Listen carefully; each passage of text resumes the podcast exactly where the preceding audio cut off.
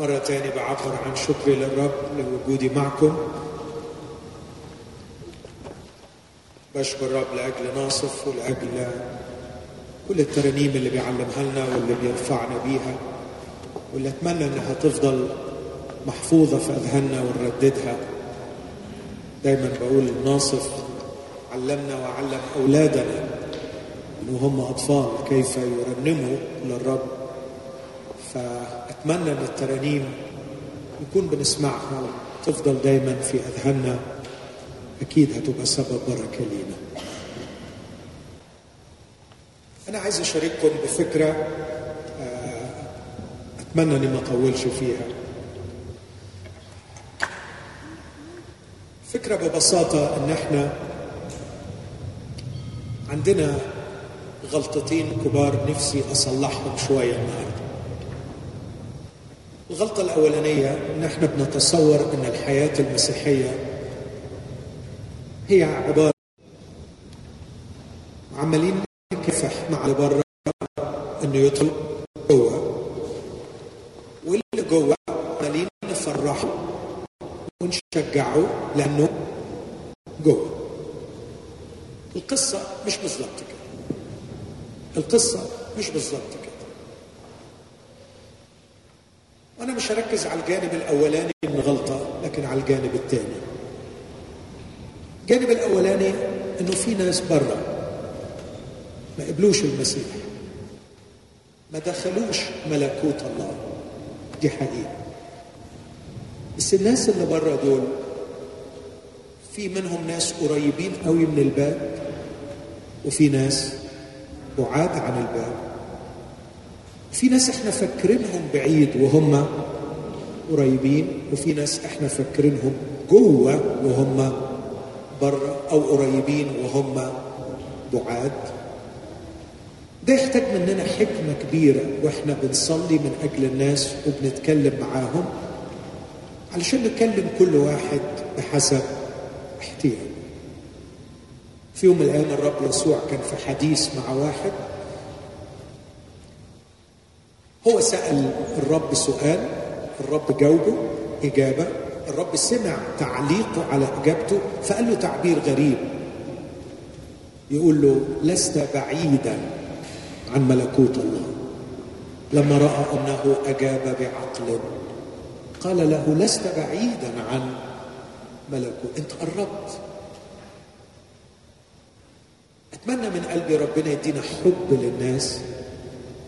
وتمييز للمكان اللي هم واقفين فيه. لأن كل واحد بيحتاج رسالة غير التاني. بس دي مش موضوعي. الغلطة الثانية أو النص الثاني من الغلطة اللي جوه فاكرين إن هم بقيوا جوه خلاص. لكن عايز ألمع شوية النهاردة الفكرة دي إنه جوه ده مشوار طويل. جوه مشوار طويل.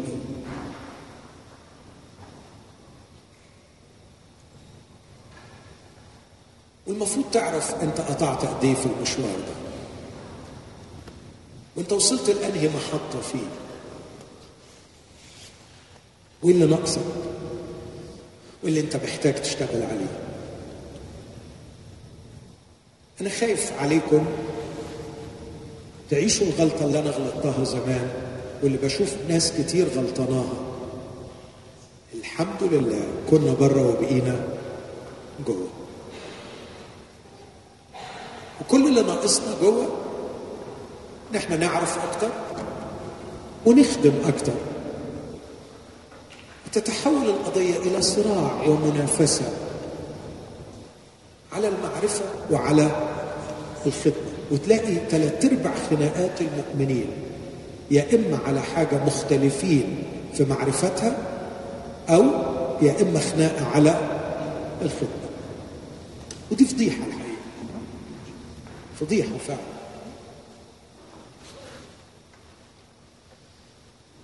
أشتاق من قلبي إنه طريقنا معاه جوه يترسم قدامنا على إنه مشوار طويل. عايزين فيه مشوار قال عنه بولس بعد سنين طويلة بعد حوالي أكثر من 25 سنة في معرفته بالمسيح. اسمع كده في فيليبي ثلاثة يقول أيها الإخوة أنا لست أحسب نفسي أني قد نلت أو أدركت لكني أفعل شيئا واحدا. إذ أنا أنسى ما هو وراء. أمتد إلى ما هو قدام. أسعى نحو الغرض. لأجل جعالة دعوة الله العليا في المسيح يسوع. لعلي أدرك الذي لأجله أدركني المسيح يسوع أيضا. اللي هيتبنى التوجه ده مش هيفكر كتير مين بيقول إيه؟ مين بيعمل إيه؟ لكن هيفكر أكتر. أنا مشيت مع المسيح قد إيه؟ وتغيرت قد إيه؟ ومشتاق أتغير وأبقى إيه؟ فأصلي من قلبي إن إحنا النهارده في الاجتماع ده نطلع عندنا التوجه ده. نفسي أتغير وأكبر وأعرف أنا فين اللي ناقصني. أمين؟ طبعا الكلام اللي أنا بقوله ده كأني بوعد بحاجة كبيرة قوي أعرف أنا فين وايه اللي ناقصني وايه اللي مطلوب مني؟ يعني ده أنا ما بوعدش بده كله لكن مجرد يعني حاجة صغيرة يمكن تساعد في السكة دي بس. لكن لا أعد إن أنا يعني هقدم إجابة. أنا بالعافية بحاول أجاوب لنفسي فما ادعيش إني أحاول أجاوب ليك وليكي. لكن يمكن اللي هقوله يساعد في السكة دي. تعرف أنت فين؟ قطعت قد إيه؟ وصلت لفين؟ ناقصك إيه؟ محتاج تشتغل على إيه؟ أمين؟ عشان كده هقرأ من مكانين بيبينوا إن رحلة المؤمن مع المسيح مراحل وإنه في نمو وكل مرحلة بتتميز عن الثانية فيمكن تشوف نفسك في مرحلة من الثلاثه اللي هقولهم سواء في القصة دي أو في القصة دي وبالتالي تبدأ تشتغل علشان تنقل لمرحلة أفضل. استأذنكم نقف مع بعض ونقرأ اولا من سفر نشيد الأنشاد. هقرأ أعداد من أصحاح اثنين وأصحاح ستة وأصحاح سبعة.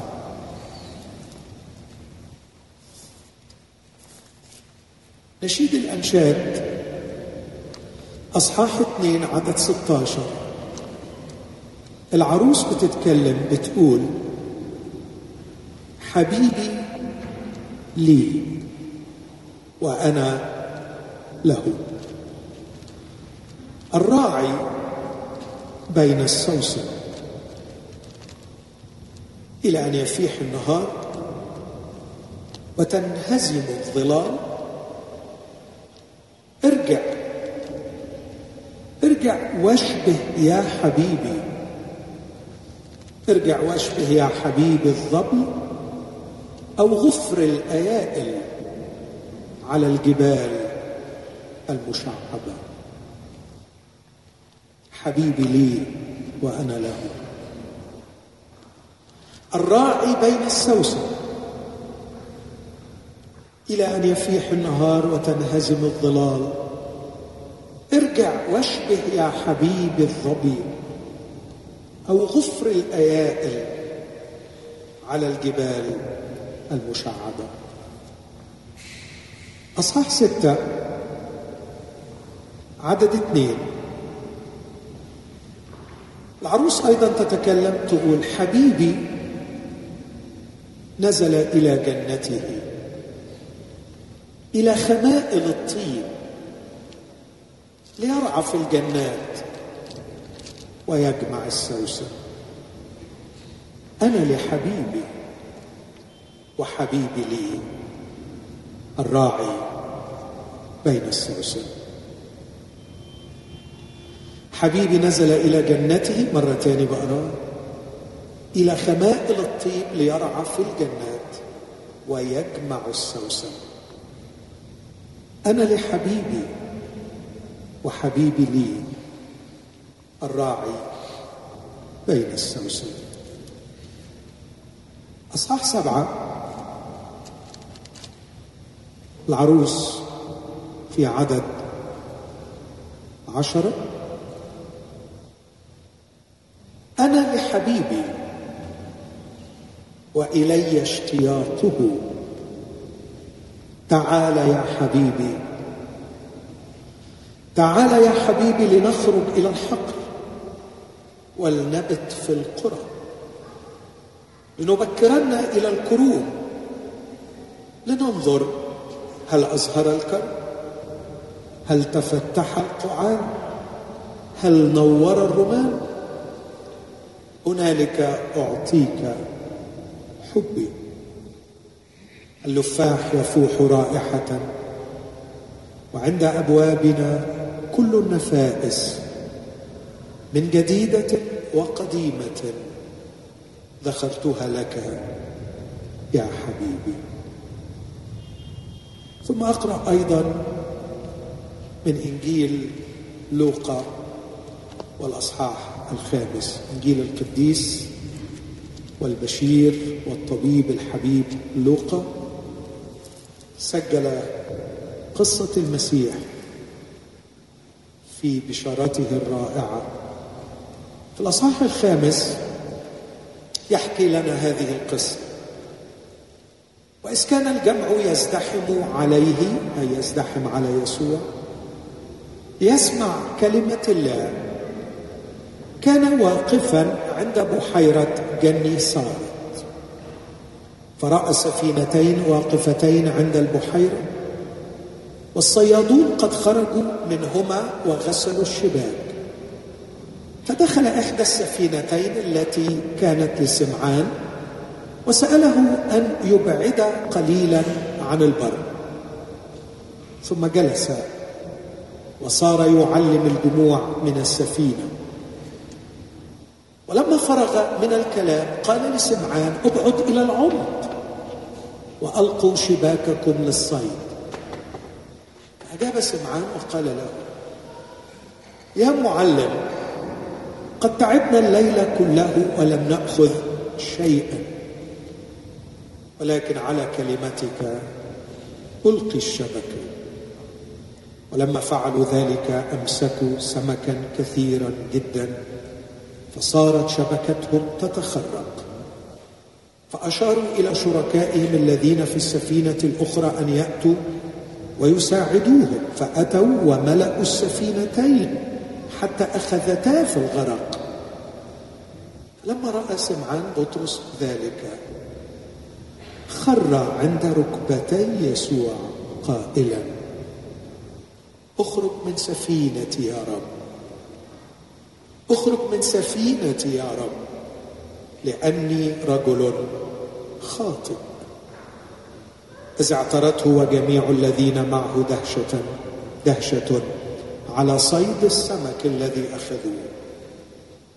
وكذلك أيضا يعقوب ويوحنا بن زبدي اللذان كانا شريكي سمعان فقال يسوع لسمعان لا تخف من الآن تكون تصطاد الناس. ولما جاءوا بالسفينتين إلى البر تركوا كل شيء وتبعوه. هذه هي كلمة الرب. خلونا نقدم الشكر للرب. اسكب قلبك اسكبي قلبك. قل له يا رب أنا متشكر إن في كلمة بتعلمني. افتح عينيا وافتح قلبي. اخد منها رسالة يا رب. أشوفها مراية تكشف لي ذاتي. وأشوفها مية تغسلني وأشوفها دواء يعالجني ويشفيني. أنا بحبها يا رب لكن نفسي أتعلمها.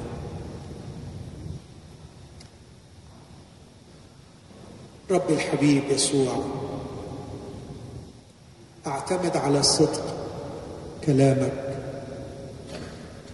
لما قال عبدك إن فتح كلامك ينير يعقل الجهال. دخول كلامك إلى قلبي يعقلني يشفيني من جهلي.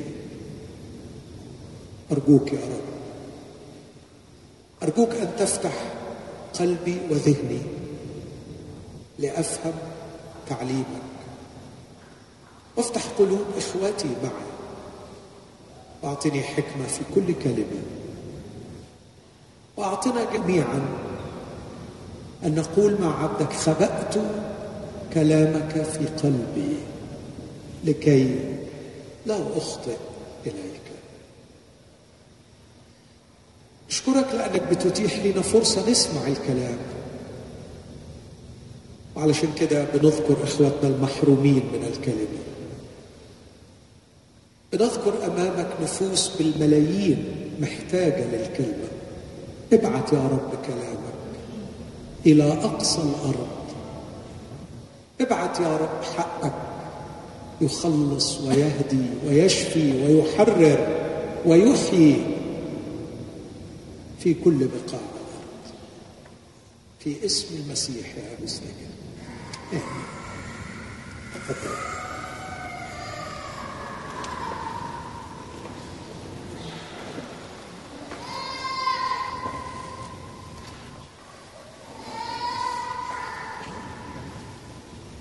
أنا زي ما وعدت بنعمة الرب لن أطيل. لكن في الجزئين اللي قريناهم هعلق تعليقات تشير إلى ثلاث مراحل في حياة المؤمن. يمكن يكون في تشابه بين القصتين بين الحادثتين. مش متطابق قوي لكن كل واحدة فيهم هتعلمني حاجة عن المراحل اللي المؤمن بيمر بيها وبالتالي ممكن أشوف أنا فين وأشتغل على إيه. القصة الأولى في سفر النشيد. وسفر النشيد سفر بيثير المشاكل والأقاويل. بس احتملوني عندما أقول وسامحوني إذا كان هذا يؤلم البعض أنه يثير المشاكل عند غير الفاهمين. يثير المشاكل عند الذين تنجست عقولهم وأفكارهم. سفر النشيد يحكي قصة حب عظيمة بين رجل وامرأة. على الأرجح بين سليمان وشلمايث بين حبيب وحبيبة.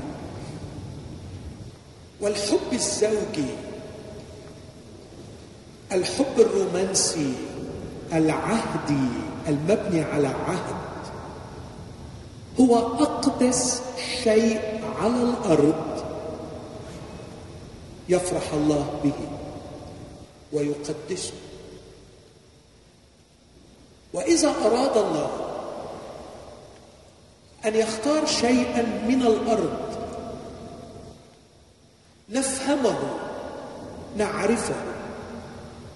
يصلح أن يكون تصويرا لعلاقتنا به فلا يوجد أروع من هذا الحب. الحب الزوجي الحب العهدي. أقصد بالعهدي يعني المبني على عهد. هذا الحب المبني على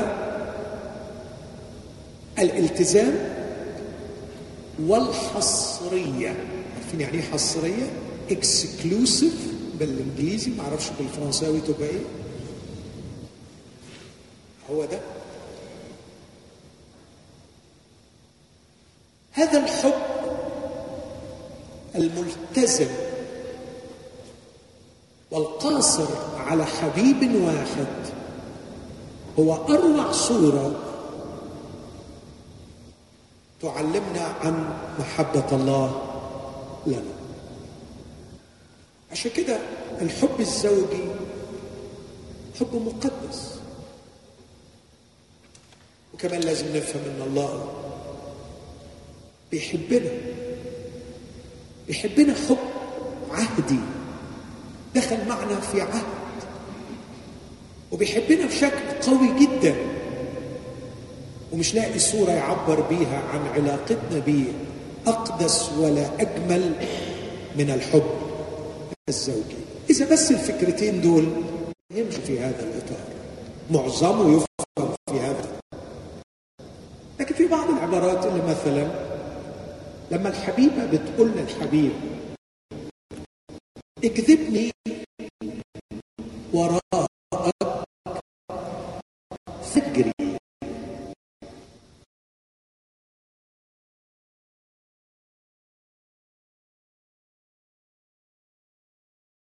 لو هو حبيب حبيبة فقط يحبون بالحق. في اللغة العبرية الأصل المستقيمون يحبونك. فهي تتكلم عن مجموعة محبين لهذا الحبيب. يقينا هناك قصة حب بين رجل وامرأة لكنها لا تقتصر على هذا الباب. هناك عاد أكثر. هذه الحبيبة في علاقتها بالمحب مرت بثلاث مراحل. أنا بشوف إن هم بيرصدوا ويصفوا. برضو لينا إحنا ثلاث مراحل في علاقتنا بالرب. مرحلة أولى وصفتها في أصحاح اثنين.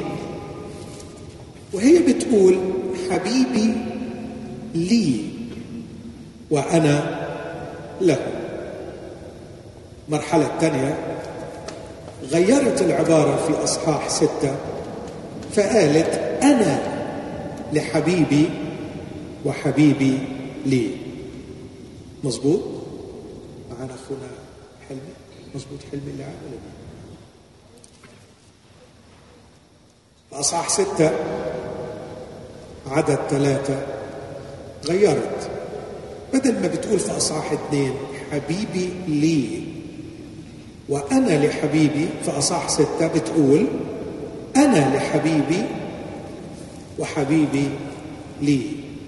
لكن أصحاح سبعة عدد عشرة. شالت حبيبي لي تماما وقالت أنا لحبيبي وإلي اشتياقون إيه الثلاث مراحل؟ المرحلة الأولى أنا المركز. وحبيبي لي. هو بتاعي. أنا أحتاج إليه. وهو سيلبي هذا الاحتياج أنا خائف. وهو سيطمئني أنا حزين. لكنه سيعزي. أنا في ضيقة لكنه سيخلصني. فحبيبي لي هو بتاعي ما وراهوش شغلانة غيري هو لي لما أقول هو لي أرى نفسي كالطفل في المركز. واحتياجاتي متعددة. وأحتاج حبيبا يلبي احتياجاتي. يسد أعوازي. أدعوه يستجيب حبيبي لي. امال إيه معنى الحب؟ معنى الحب أنه يبقى متاح. هو لي. وطبعا طبعا أنا مش قليل اصل فهو كل ما هيحبني ويديني أنا كمان هكون لي. بس لاحظوا حبيبي لي اولا وأنا له ثانيا وغالبا غالبا إن عدد أيام أنا له يتناسب مع اكتشافي كم هو لي. فأنا له بقدر ما هو لي. يعني بمعنى تاني لو في وقت من الأوقات من الأوقات ولحكمه خاصة لم يلبي رغباتي. غالبا ببقى في خصومه معه ومقموص منه. وما أقدرش ابدا أقول أنا لي يعني يمكن بحسها قوي في الترانيم دي. أبص في وشوش الناس. وأقدر أتخيل الحالة النفسية اللي ورا الترنيمه أنا ليك. أنا ليك. أنا هطيعك أنا هتبعك أنا هعمل اللي أنت عايزه. غالبا ده بيكون الوقت اللي هو الدنيا ماشية فيه.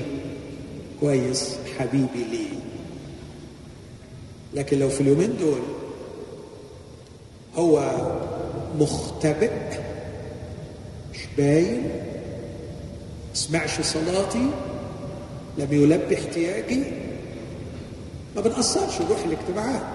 بنفضل نروح بس ليه واقف مدلدل دماغه مكشر عمال يعد في العواميد مستني الوعظة عايز يسمع هو ليه متأخر هو ليه ما جابش طب ما ليه مش بترنم وفرحان هنرنم يعني هيطير الترنيم هتيجي الأيام وهنرنم يعني طيب بس يعني لما الأول يعمل إيه؟ ها؟ يحل المشكلة يعني يتصرف. حبيبي ليه طفل مشغول باحتياجاته مشغول بذاته هو في المركز. لي صديق عزيز أمريكاني خادم عنده حفيد لذيذ. فبيحكي حكايته بيقول بنتي كانت عندنا في البيت وبعدين فقدت مفاتيح السيارة بتاعتها. فعماله تجري في كل مكان لأن وراها ميعاد مهم ومش لاقية المفاتيح. فطلعت منها عبارة كده يعني بالإنجليزية ما معناها إن أنا قربت أفقد عقلي يعني. I'm going to lose my mind. أنا هفقد عقلي لأن مش عارفة أنا إزاي المفاتيح ضاعت مني. الولد ثلاث سنين بيجري وراها. وقفها قال لها ماما من فضلك افقدي أي حاجة بس اوعي تفقدي قلبك لأن انا هناك. أنا يظهر إن هي كذا مرة تقول له أنت in my heart أنت في قلبي. فالواد لما سمع إنها ممكن تفقد عقلها خاف كمان على قلبها فقال لها افقدي أي حاجة بس اوعي تفقدي قلبك. don't lose your heart لأن أنا أنا هناك. افقدي. بس امني لي قلبك لأنه أنا المهم أنا. جميلة إنه بيثق في أمه إنها إنه في قلب أمه لكن هو المركز. أكيد أبائنا بيسعدوا بنا وإحنا كنا بنسعد بأطفالنا وهم واثقين إن إحنا ليهم. لكن في نفس الوقت كاباء بنحب إن أولادنا ينضجوا. ويكبروا. ويبقوا قادرين على الاستقلال والاندماج في المجتمع وتكوين حياة جديدة. ما أعتقدش إنه شيء مشرف أو يفرحنا إن يفضلوا أولادنا طول العمر الصغار متمركزين حول ذاتهم يحتاجوا إن إحنا نلبي رغباتهم. العروس في البداية حبيبي لي. أكيد أنا له لكن كنتيجة أنه هو لي. القرينة المحيطة بهذا العدد بتقول حبيبي لي هو الراعي بين السوسن الراعي بين السوسن هو الراعي بين المؤمنين السوسن كورود لكن مشغولة قوي أنه إلى أن يفيح النهار وتنهزم الظلال إلى أن تعبر الغمة إلى أن يمضي الضباب إلى أن يأتي الفجر وينتهي مساء الألم والحرمان. ما تتأخرش يا حبيبي. من فضلك ارجع واشبه الظبي السريع أو غفر الأيائل الفتى القوي. اللي لا تعوقه الجبال المشعبة عن نصرتي وتلبية احتياجاتي. يا حبيبي أنت لي. وأنا اليوم في ليل مؤلم. أشتاق يا حبيبي أن تشبه الظبي أو غفر الأيائل. ترتقي فوق الظلمة وتنتصر على الجبال المشعبة. فلا يعوقك عائق. لا ظلام الليل ولا صعوبة الطريق في أن تصل إلي. تعال إلي لأني محتاج إلي. فأنت لي. تعال. مشغول بنفسي واحتياجي مرة أخرى أقول الرب ما بيحتقرش هذه المرحلة.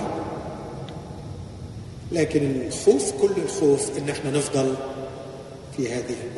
محتاجين نكبر شوية عنها محتاجين نعدي المرحلة دي.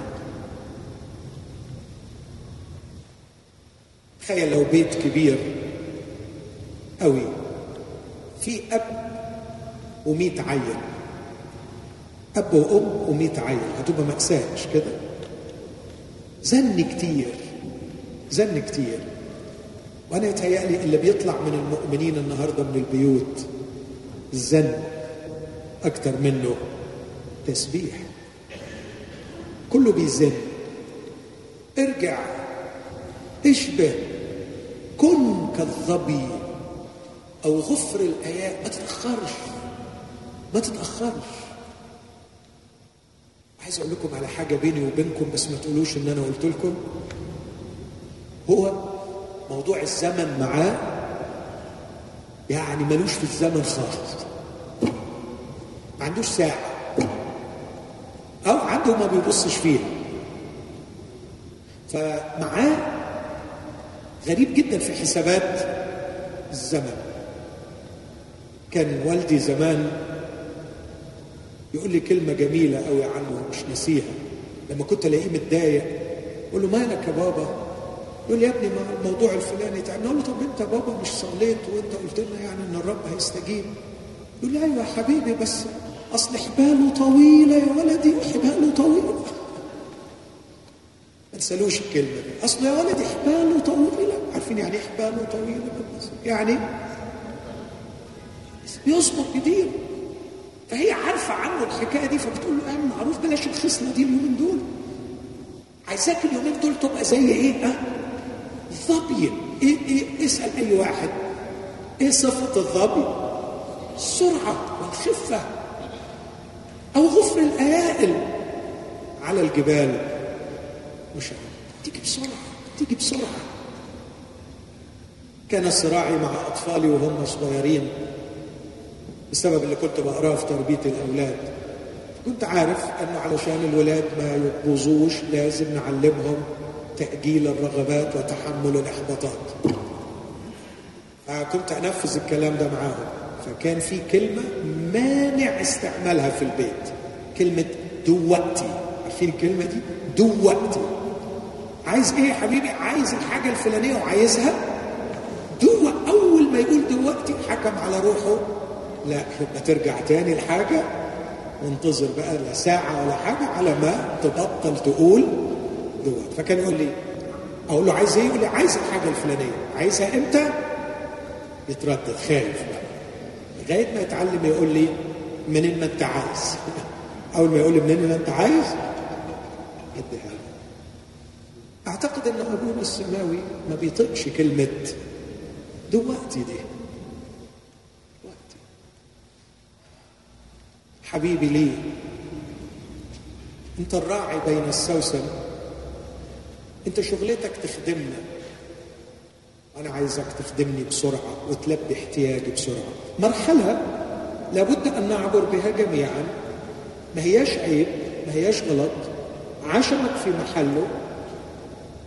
وجعك مفهوم بس ما يصحش إنك تفضل فيه طول عمرك. المرحله الثانية مختلفه المرحلة الثانية لا. بتقول كلام غير كده. بتقول في عدد اثنين. حبيبي نزل إلى جنته إلى خمائل الطيب ليرعى في الجنات ويجمع السوسن. حلو قوي الفكرة هنا. هي ختمت وقالت إنه هو برضو الراعي بين السوسن زي المرة الأولانية بس المرة دي شايفاه الراعي بين السوسن بشكل مختلف. السوسن نوع من الورود الجميلة البيضاء الرقيقة. يشير إلى المسيح بين المؤمنين. بس هي شايفاه مشغول قوي في جنته يجمع السوسن طبطب على دي ويهتم بدي ويخلي باله من دي الراعي بين السوسن حبيبي نزل إلى جنته. ما هي جنته؟ جماعة المؤمنين. اللي قال عنها أختي العروس. جنة مغلقة عين مقفلة ينبوع مختوم لما يقول هبي على جنتي فتقطر أطيابها. الجنة جنته هي حبايب المؤمنين. والعروس هنا ترى الحبيب ينزل إلى جنته إلى خمائل الطيب. خمائل الطيب ليرعى في الجنات يهتم بأحوال المؤمنين. يجمع السوسن الراعي بين السوسن تراه مشغولا في خدمته. وهي كانت كبرت فقالت له كلمة جميلة قالت أنا لحبيبي وحبيبي لي. اختلفت أنا لك لخدمتك أنا لك لأساعدك وأنت تجمع السوسن وأنت بين خمائل الطيب تطعم وتعلم وتشفي وتفرح مع الفرحان وتبكي مع الباكي وتطيب القلوب المكسورة وتعصب. يا حبيبي أنا لك.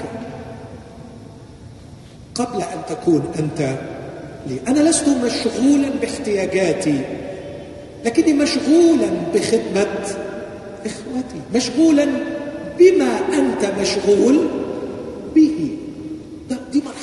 بلا شك فيها نضوج. على فكرة دي الخدمة في شكلها الصحيح السوي لأنه في المرحلة الأولانية بيبقى فيه خدمة برضه. بس بيبقى فيه خدمة بالظبط بالظبط زي ما ولدين يعني بشوف المنظر ده في بيتنا. الولدين يروح يساعدوا مراتي في المطبخ هما الاثنين بيساعدوها بس الحقيقة مش بيساعدوها. هما بيغلبوها. لأنهم بيتخانقوا مع بعض مين اللي يبان إنه بيساعد ماما أكتر. حد جرب الحكاية دي؟ فتلاقي ماما في الآخر تصرخ وتشد شعرها وتقول لهم من فضلكم ارحموني من خدمتكم. وروحوا العبوا أحسن من الخدمة. لأنه الحقيقة هم عايزين يساعدوا ماما عشان يحققوا حاجة لذاتهم. كل واحد عايز يبان عند ماما ان هو ويطلع كده فرحان. ولما أنا آجي من الشغل يقول لي بابا أنا النهارده ساعدت ماما ويا ريت يسكت على كده. لكن رافي أخويا عمل وعمل وعمل ويقعد يقول لي كل الحاجات الوحشة اللي عمل. عارفين إن في مؤمنين كتير قوي بيخدموا بالطريقة دي؟ صدقوني. مموتين روحهم خدمة. ومغلبينه ومزهقينه من خدمتهم. لانهم في الحقيقة مش بيخدموا بحثا عن السوسن الرقيق. بحثا عن خمائل الطيب. ده هم وهم بيخدموا في سكتهم بيدوسوا. بيدوسوا على اخواتهم. بيدوسوا. ومش مميز. كأنه بيدوس في برسيم وبص هنا بيقول عنها حبيبي نزل إلى جنته يجمع الإيه؟ ها؟ السوسن علشان يتجمع لازم يتجمع برقة وبدقه عشان يعمل خميلة من خمائل الطيب.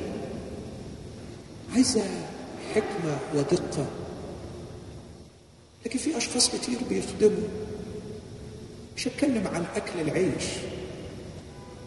ده شيء مؤلم ومزري. لكن بتكلم عن رغبة طفولية في تحقيق الذات.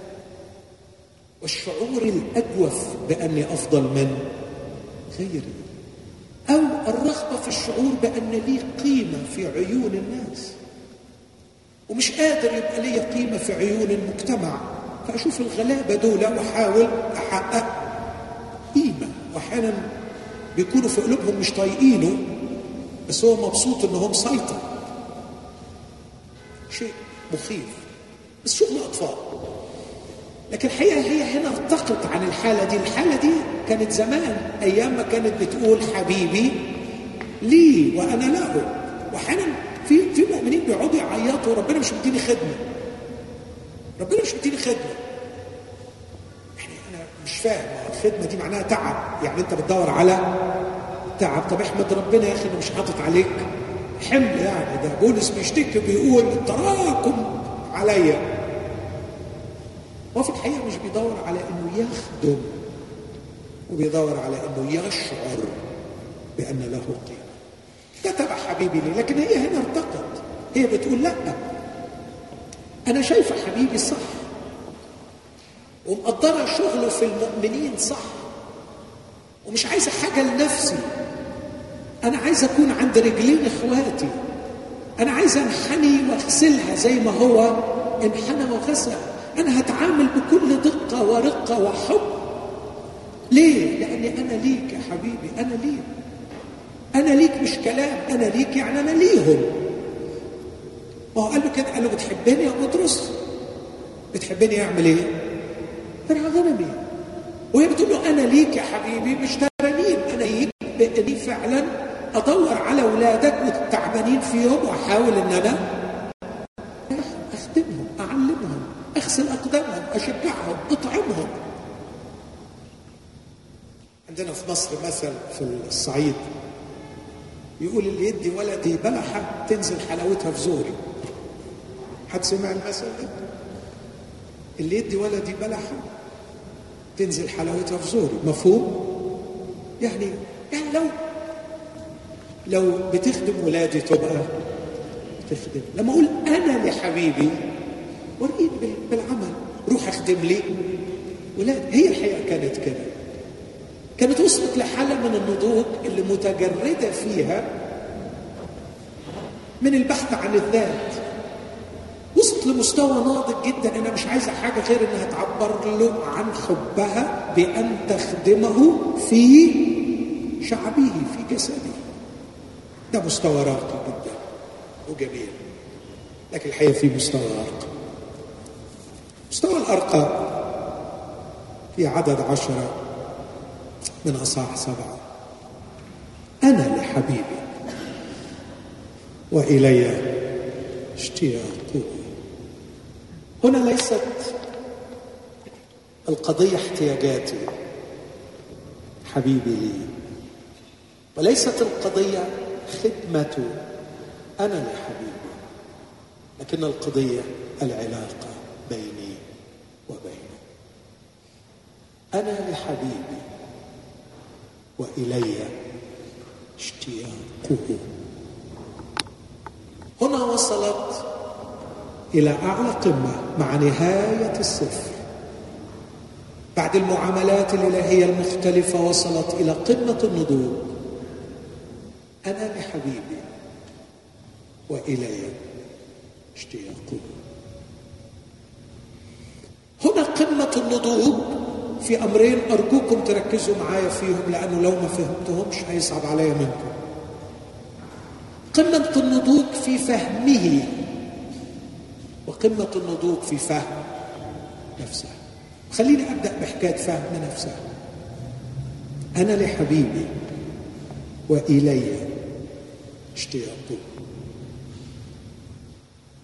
جورجن مولتمان الاسم ده مشهور.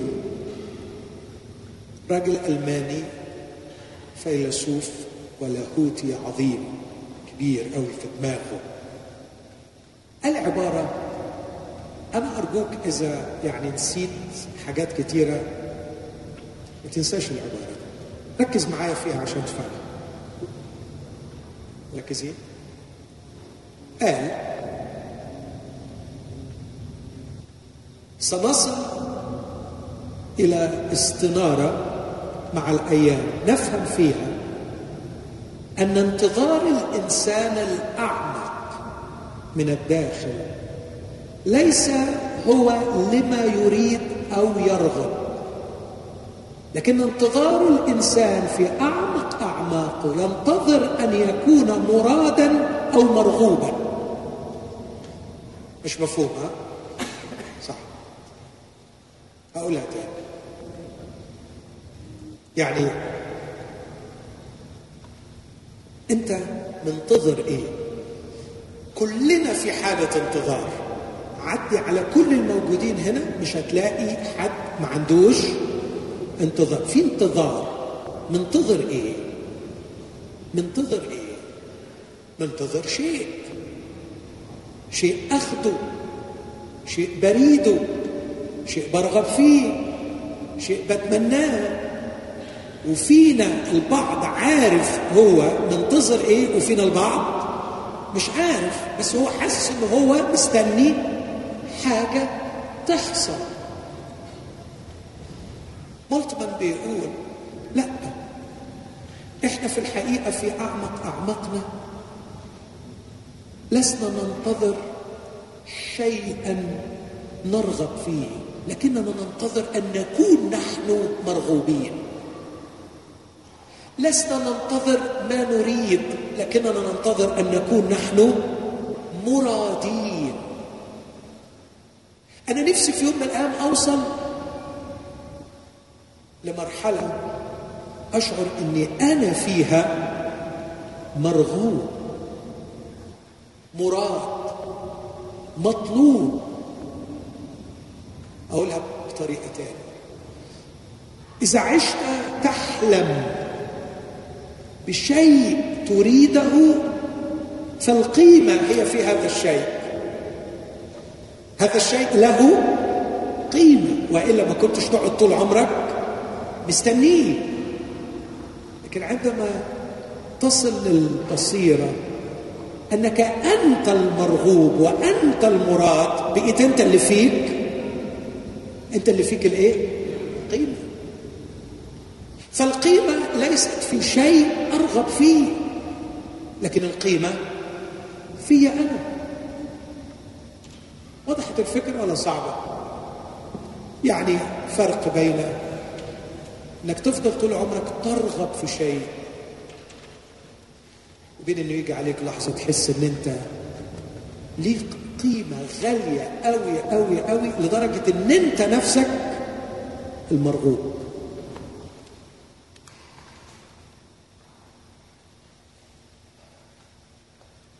حد موافق على الفكر ده يعني أعتقد الفكرة دي رغم إني ما قريتهاش في الكتاب نفسي لكن حلت لي مشاكل مئات من العملاء بتوعي اللي ما كنتش ببقى فاهم هم عايزين إيه. مالك مكتئبة ليه؟ ما أنت عندك كل حاجة. ما أنت خدتي وخدتي وخدتي. ما أنت حلمتي والحلم اتحقق. لا لا لا لا لا لا. ده اللي اتحقق لك أكتر مئة مرة من اللي انت حلمتي بيه. مالك؟ كئيبة ليه؟ تعرفوا كئيبة ليه؟ جواها صرخة عميقة ما حدش حاسس بيها. نفسها تحس إنها مرغوبة مطلوبة مرادة. طبعا عشان بس أشطب على حاجة ممكن تيجي للذهن. طب ما جوزها رايدها على طول. ترد في أسى والدموع في عينيها وتقول هو بيريد جسدي وأنا بعرف أميز. هو لا يريدني أنا لكنه يريد جسدي. وده بيحقرني في عينين نفسي. أنا عايز أحس والرجالة أكتر. الرجالة أكتر. يحتاجون في أعمق أعماقهم أن يشعروا بأنهم مرغوبين لذواتهم. أخوتي الأحباء أكيد الإشباع هيكون عظيم والاحتياج ده هيشبع قوي لو كان الشخص اللي بيرغب فيا ويريدني شخص عظيم. فكل ما كان أعظم كل ما أدركت إن قيمتي أعظم. تخيلوا بقى لو وصلت إن اللي رايدني ومشتهيني وبيرغب فيا ومشتاق عليا ومش قادر على بعدي هو مين؟ هو الله. أقدر أقول أنا لحبيبي. وإلي إلي اشتياقه الفترة اللي فاتت كنت مشغول بالمراهقين والتحولات التي جرت في العصر الحديث في حياة المراهقين. وكنت قاعد مع فريق بنحلل وبنشوف إيه التغيرات اللي حصلت في دماغهم في الفترة الأخيرة دي. اكتشفنا هذا الأمر أنه الولاد بنتكلم عن الشباب مش بس البنات. بسبب أن المتع والممتلكات والأشياء صارت متاحة بشكل أكبر من العصور الماضية. أصبحوا يدخلون في الحب الرومانسي مبكرا ويتمسكون به لأن هذا الشيء يجعلهم يشعروا أنهم مرغوبين. الحاجة الوحيدة اللي بتحسسه أنه هو ليه قيمة أن في واحدة بترغب فيه. احتياج عميق. فرق كبير أن ترغب وتشبع رغبتك وبين أن تصل إلى الشعور بالقيمة أنك أنت شخصيا مرغوب فيك. إنه احتياج الصغار والكبار احتياج الرجال والنساء احتياج في كل العصور. يبدو أنه موجود في التصميم الإلهي للإنسان. لقد صممه على أن يظل الإنسان يشعر بقيمته في عيني إلهه الله يشتاق إليه. يشتاق إليه. أأكد الفكرة دي بسرعة شديدة. غالبا مش هعلق على لوقا خمسة عشان ألتزم بإني ما طولش أأكدها من الحق المسيحي من العهد القديم والجديد. في سفر أيوب أصحاح 15 يقول له تدعو وأنا أجيبك تشتاق إلى عمل يديك. أنت بتشتاق عليه. أنت بتشتاق عليه. أمثال ثمانية. كان المسيح يتكلم كالحكمة فيقول ولذاتي مع بني آدم. تشتاق إلى عمل يديك. أما إذا ذهبت إلى العهد الجديد فأعتقد أن كل تعليم المسيح كان يدور حول هذه الفكرة أن الإنسان هو شوق الله أن الإنسان هو مرغوب الله أن الله في حالة عطش وشوق إلى نفس الإنسان بيحب الإنسان. وأكتفي بقصة أو مثلين. مثل الأول الشهير الابن الضال. لما تقرأ القصة دي وتحللها تلاقي الولد عنده احتياج لكن الأب عنده شوق. الولد يعاني من الاحتياج. لكن الأب كان يعاني من الاشتياق. ما نحسش ابدا في قصة الولد إن الولد كان مشتاق على أبوه. الولد كان محتاج. فعشان كده كم من أجير اللي أبي يفضل عنه الخبز لكن أنا أهلك جوعا أقوم وأرجع إلى أبي وأقول أخطأت يا أبي. اجعلني كأحد.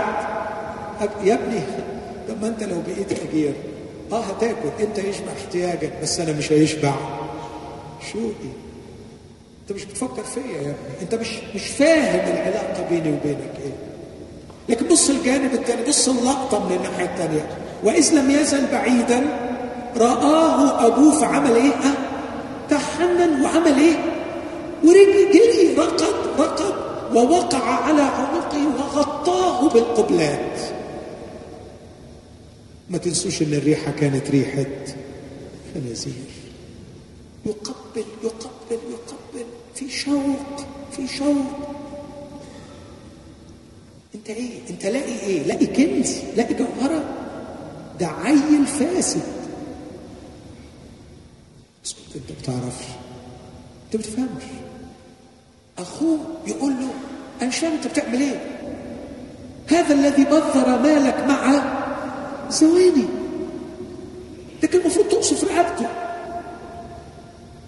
ما تفهمش. انت مش فاهمني. مشكلتك انك مش فاهمني. انت ما تعرفش قلبي يا ابني. انت غبي مش فاهم. قلب أبوك. أنا بحبه. بحبه. وأنا النهارده لازم اعمل فرح. وهعمل فرح فعلا. صوت آلات طرب ورق هنعمل فرح. يا مزيكا وهنعلق الزينات لدرجة إن صوت الفرح سمع من على بعد. فرحان قوي كده ليه؟ مش لأن الواد ليه أكلة ياكلها الأب اشبع شوق الأفراح الحقيقية. العميقة جدا. هندخل فيها. مش لما احتياجاتنا تشبع لما شوقه هو يشبع. نوع الفرح العميق هندخل فيه. مش لما مرغوبنا يتحقق ومرادنا يتحقق. لكن لما شهوته هو إلينا تتحقق. ساعتها تسمع صوت آلات طرب ورقص ليه المؤمنين مش فرحانين؟ رغم إنه الخير مش ناقصهم لأنهم عايشين على مستوى تحقيق المراد. كل ما تحقق المراد نفرح. صدقني ما بتزيد عن 24 ساعة فرح. وبعديها ينزل الكرف مرة تانية إلى أن نشعر بمرغوب تاني مراد تاني ونفضل مستنيين لغاية ما يتحقق يرجع الكيرف يعلى وبعد 24 ساعة ينزل. لكن هو بيشتاق عليا كم يوم في الأسبوع كم ساعة في اليوم. إمتى هيمل مني ويزهق مني؟ إنه في حالة شوق دائم إلي. إلي. إلي. اشتياقه أنا لحبيبي. إذا ما عرفناش قلب الرب من ناحيتنا عمرنا ما هنكون وصلنا للقمة. غلطتين كبار من جهته ومن جهتنا لا فاهمين ولا فاهمين روحنا.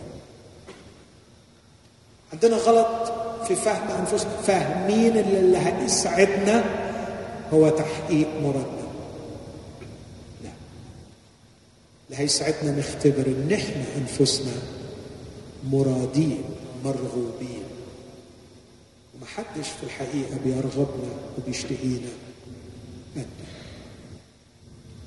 أصلي من قلبي أن الرب يلمع الفكرة دي. جميل أنه حبيبي لي وأنا له أجمل أنا لحبيبي وحبيبي لي الأجمل والأجمل أنا لحبيبي وإلي اشتياقه. مرحلة حبيبي لي مشغول باحتياجاتي لأني أنا في المركز. مرحلة أنا لحبيبي هو في المركز وأنا في الخدمة. لكن أنا لحبيبي وإلي اشتياقه هو وبس هو وبس مفيش حاجة تاني. لا في احتياجاتي ولا في خدمتي ولا في أي حاجة. أنا مشغول بس بما يشتاق. واكتشفت أنه يشتاق إلي. خلونا نقف مع بعض وإحنا بنصلي وبنفكر وبنشوف إحنا في أنهي مرحلة. إيه اللي مطلوب نعمله؟ ما أعرفش كتير إيه اللي مطلوب نعمله. غالبا الزمن لازم ياخد وقته. ولازم الأيام تدعكنا ولازم الظروف تضغطنا. لكن الرب أمين في إنه ينقلنا من مرحلة لمرحلة. واحدة واحدة يوصلنا. ان إحنا نفهم قلبه. وانشغل باللي هو عايزه. هو مش عايز مني خدمة هو عايزني أنا. مش عايز مني عطاء. هو يرغب في علاقة معي. إمتى يا رب؟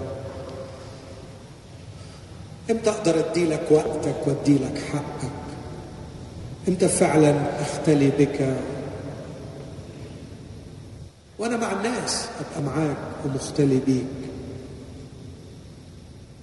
أما بيكون في واحد بيحب واحدة أو واحدة بتحب واحد. ولسه كده في مرحلة الحب القوي النقي في بدايته. ممكن يبقى وسط كل الناس بس مش دريانين بالناس. هو بيبقى حاسس إنه مفيش حد تاني في القعدة غيرها. هي حاسة إنه مفيش حد تاني غيره. نفسي يا رب أوصل في العلاقة معاك. حتى لو بين الناس. أبقى شايفك أنت بس. مركز فيك انت بس. مأخوذ بيك انت بس. كبرني نميني. خذني إلى أعماق. أبعد في العلاقة.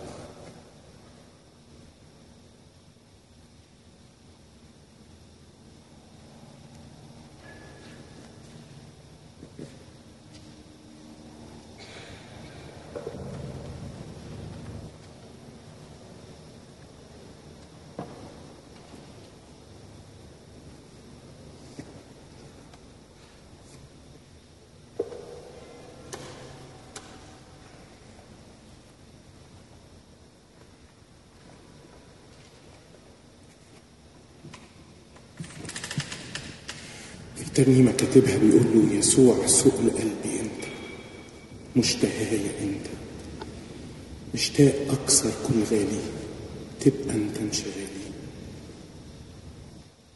يسوع همسك ومش هلخيك أنا قلبي اتعلق بيك أنت اللي أنا عايش فيه.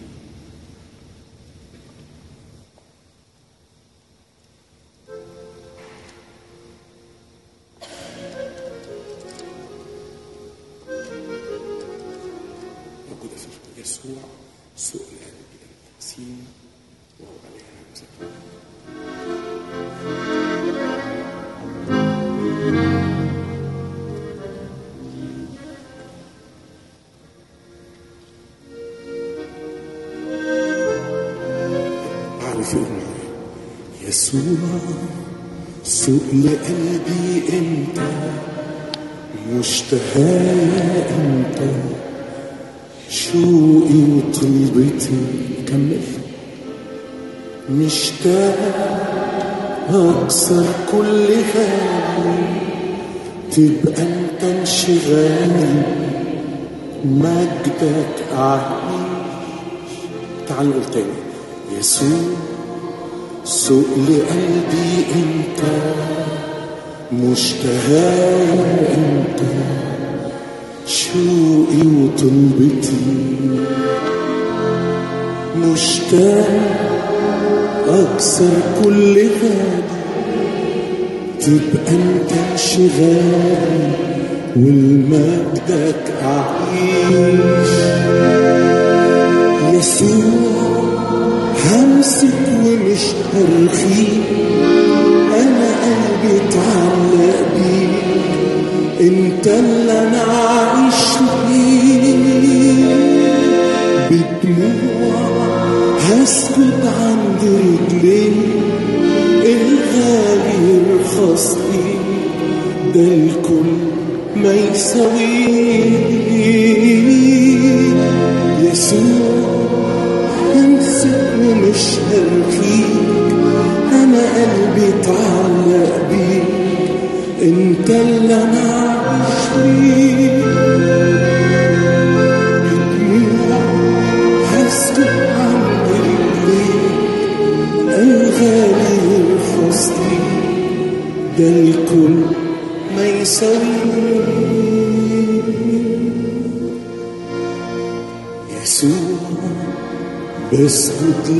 حبيبي بختارك نصيبي. فيك بلقى الحياة بختار أموت وتحيا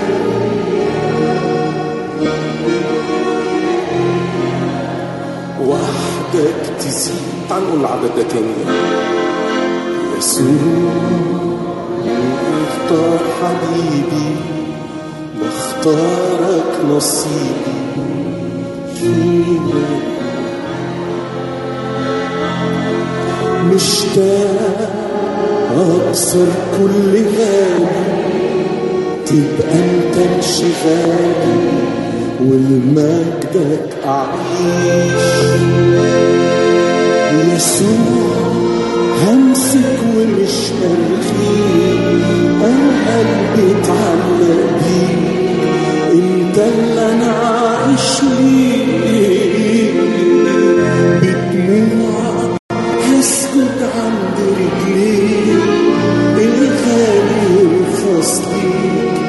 ده الكون ما يساويك يسوع بس مش هرخيك أنا قلبي اتعلق بيك انت اللي أنا عايش ليك بدموع هسكت عند رجليك والغالي والخاص ليك ده الكون ما يساويك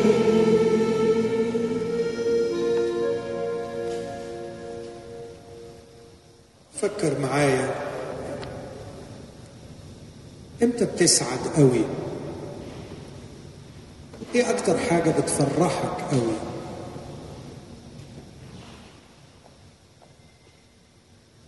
مش لازم تكون حاجات غلط.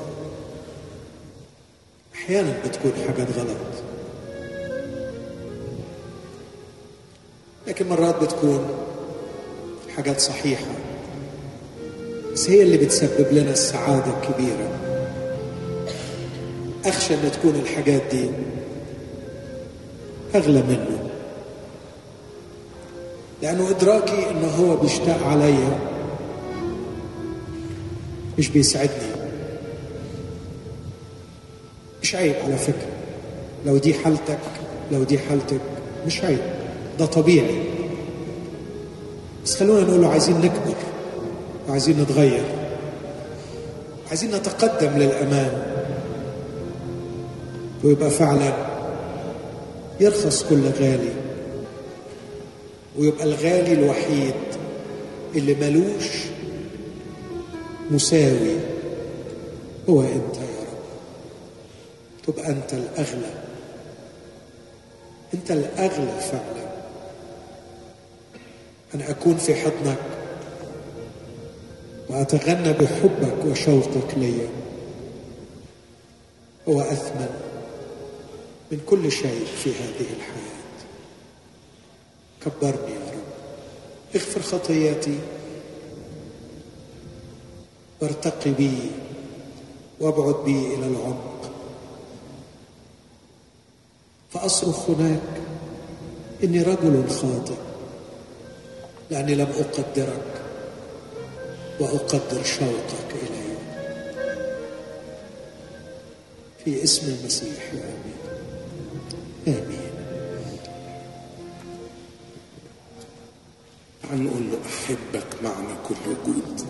أحبك والكلام محدود تنفع تصلي معايا الترنيمة دي أحبك معنى كل وجود.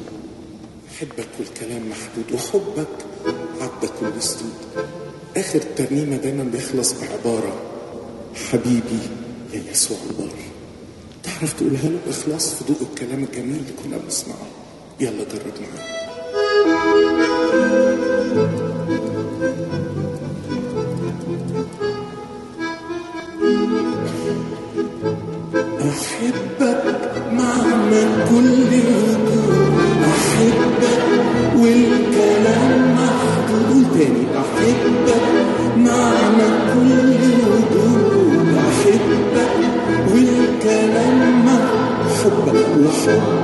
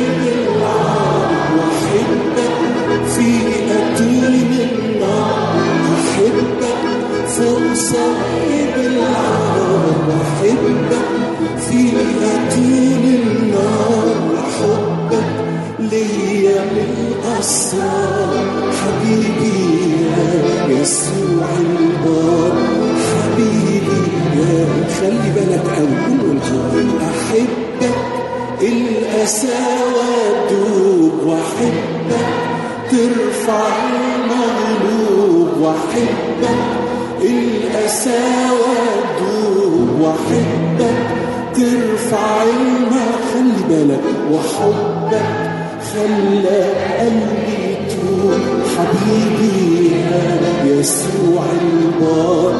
حبيبي يا يسوع. قولوا معايا. أحبك أنت أوفى صديق. وأحبك حتى لو في وأحبك أنت أوفى صديق. وأحبك